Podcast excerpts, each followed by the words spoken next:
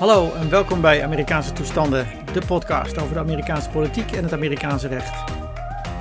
Het is vrijdag 11 december en de zorgen over de Amerikaanse democratie groeien in plaats van dat ze afnemen zo richting 20 januari. Had ik het in de vorige podcast nog over gevaren voor de democratie in de verleden tijd, hebben zich deze week, de afgelopen dagen, een aantal dingen zich voorgedaan die grote zorgen waren voor de democratie in het hier en nu in de toekomst van Amerika. Eerder werden er aan de alarmbellen getrokken vanwege mogelijk geweld tussen groepen mensen. Maar nu zijn er zelfs breuken te ontwaren langs de statelijke lijnen, wat veel meer doet denken aan de mars richting de Amerikaanse burgeroorlog in de 19e eeuw. Conservatieve radio talkshow host Rush Limbaugh vroeg zich hardop af of staten als Texas zich niet moeten afscheiden. Want wat heeft het nou gemeen met New York? Want wat is nou gebeurd? Nou, de staat Texas, in ieder geval uh, de lokale minister van Justitie Paxton, heeft toestemming gevraagd aan het Hoge Rechtshof om een klacht in te dienen tegen vier swing states: Pennsylvania, Wisconsin, Michigan en Georgia. Staten die de afgelopen weken flink onder de aandacht zijn geweest vanwege uh, alle rechtszaken die daar zijn gevoerd om de verkiezingsuitslag te veranderen. Texas uh, heeft het over de integriteit van de verkiezingen in die staten. Het stelt dat er ongrondwettelijke wijzigingen van de regels hebben plaatsgevonden via de rechter of eenzijdig door state officials. denk aan bijvoorbeeld de uitbreiding van de stemmen per post, gevraagd en ongevraagd, uh, in het kader van uh, uh, corona. Nou, volgens Texas is het een overtreding van de federale grondwet, meer specifiek artikel 2, sectie 1, clausule 2, of in het alternatief het 14e amendementen. Het stelt dat er allerlei onregelmatigheden zijn geweest tijdens het stemmen zelf en tijdens het stemmen tellen. En uh, er, zou de, uh, er zou een vermeende statistische onmogelijkheid zijn uh, dat de explosieve toename van Biden-stemmen ehm, plaatsvond naarmate de poststemmen meer werden geteld. Wat wil dan Texas dan uiteindelijk? Uit, en dit is het ergste. Texas wil uiteindelijk dat het Hof verordeneert dat de resultaten van deze vier staten gewoon niet worden meegeteld. Dat deze staten uh, geen kiesmannen mogen aanwijzen op basis van die um, voor hun controversiële uitslag. En dat het de lokale wetgevers, lees republikeinen, opdraagt om nieuwe kiesmannen aan te wijzen. Het wil ook dat het Hof de, staten, de vier staten weerhoudt van het certificeren van de uitslag van de stemming van de kiesmannen. Uh, van 14 december, dus aanstaande maandag. Of zelfs die bijeenkomst van aanstaande maandag, 14 december, helemaal uh, blokkeert. Met andere woorden, Texas wil alle stemmen, alle kiesmannen uh, van deze vier staten niet laten meetellen bij de uiteindelijke, uiteindelijke verkiezing van uh, um, president Biden. Heeft dit enige kans van slagen? Puur juridisch gezien denk ik niet. Um, Texas heeft waarschijnlijk geen wat heet standing. Het is niet ontvankelijk omdat het geen benadeelde partij is. denk eigenlijk aan bijvoorbeeld um, dat in de Europese Unie, uh, nou laat ik een leuk voorbeeld noemen, Hongarije zegt dat uh, de verkiezingen van de Europarlementariërs in Nederland uh, niet geldig is omdat onze lokale Nederlandse regels zijn overtreden. Denk, zouden wij dat accepteren?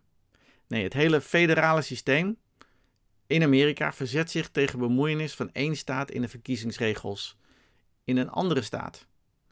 En daarnaast komt er nog bij dat keer op keer door rechters, lokale rechters in de staten zelf, maar ook federale rechters, keer op keer hebben gezegd dat er geen bewijs is voor fraude of andere massale onregelmatigheden. En dat ook de, de remedie die men zoekt, de oplossing die men zoekt, ook onacceptabel is, namelijk dat er op hele vage gronden miljoenen stemmen ongedaan worden gemaakt. Het stemrecht van al deze mensen in deze vier staten zou dan feitelijk worden ontnomen op basis van vage, onbewezen beschuldigingen. Het zijn wel ook de conservatieve rechters die de deur naar dit soort claims um, hebben geopend. Zij hebben in hun uh, dissenting opinions, of soms wel eens concurring opinions, van de afgelopen maanden in al die verkiezingszaken die voor het Hoge Rechtshof zijn geweest, uh, gesteld dat uh, de lokale wetgevers, de wetgevers in de staten, een exclusieve bevoegdheid zouden hebben om de verkiezingsregels vast te stellen. Een hele strikte interpretatie van dat grondwetartikel wat ik eerder uh, noemde, artikel 2, sectie 1, clausule 2, zogenaamde Electors Clause, waarin ook uh, de bevoegdheid wordt gegeven aan lokale wetgevers met zoveel woorden. Maar dat zou toch niet moeten betekenen dat lokale rechters um, dat niet zouden mogen toetsen. deze conservatieve rechters willen dus ook dat uh, de lokale rechters er niks over te zeggen hebben. Dus door, alhoewel die opinie niet uiteindelijk tot uh, overwinningen heeft geleid voor republikeinen in, die zaken, heb, door het geven van zo'n opinie, door het geven van zo'n redenering, hebben ze een instrument in handen gegeven uh, aan staten, aan mensen, aan republikeinen, aan conservatieven, om dit argument keer op keer te maken totdat het een keer beklijft. Daarnaast hebben de conservatieve rechters bij het Hoge Rechtshof de laatste tijd ook hun, hun, twijfel geuit over de rijkwijde van de coronamaatregelen. Denk aan die zaak um, die ik eerder beschreef in de Amerikaanse toestanden nieuwsbrief over het uh, beperkingen van de aanwezigheid van mensen in uh, kerken in New York. daarvan zeiden de conservatieve rechters dat is een te grote inbreuk op de vrijheid van religie.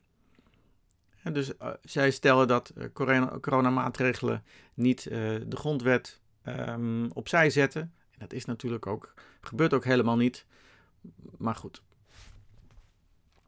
Misschien is het nog wel veel gevaarlijker dat 18 andere staten, 18 andere ehm, lokale ministers van Justitie, deze klacht, deze zaak van Texas ondersteunen. Samen met allerlei andere groepen denktanks die ook zogenaamde, zogenaamde amicus briefs hebben ingestuurd. Een eigen pleidooien ter ondersteuning van het pleidooi van Texas. Oké, andere staten, meer dan 20, hebben uh, ook een amicus brief ingestuurd om juist te laten weten dat ze dit een belachelijke en gevaarlijke zaak vinden.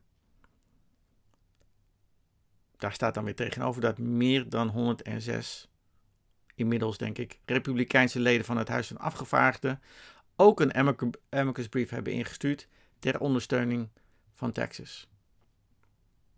Dit is allemaal het resultaat eigenlijk van het virus van twijfel aan de democratie dat is geïnjecteerd door Donald Trump al sinds 2016. Inmiddels gelooft meer dan 70% van de Republikeinen dat er geen eerlijke verkiezingen zijn geweest.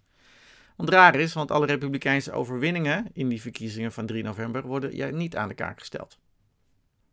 Het moedwillig willen omkeren van de verkiezingsuitslag door Texas in deze vier verschillende staten, deze swing states, is eigenlijk bijna, ik heb het op, in het opzitter gezet, is eigenlijk bijna onvoorstelbaar.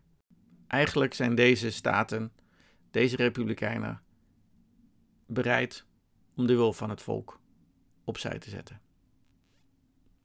Er wordt zelfs stiekem gesproken over afscheiding, secession. Nou mag er eenzijdig afscheiding niet, maar dat is misschien iets voor een volgende podcast.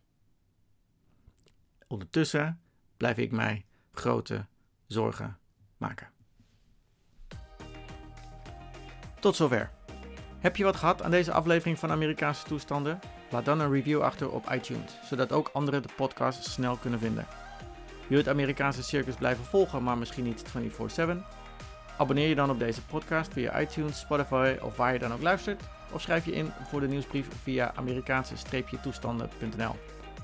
Mocht je naast het abonneren al deze content verder willen steunen, aanmoedigen, dan kan je zelfs een donatie doen. Ook via Amerikaanse-toestanden.nl. Nogmaals dank voor het luisteren en tot de volgende aflevering van Amerikaanse toestanden.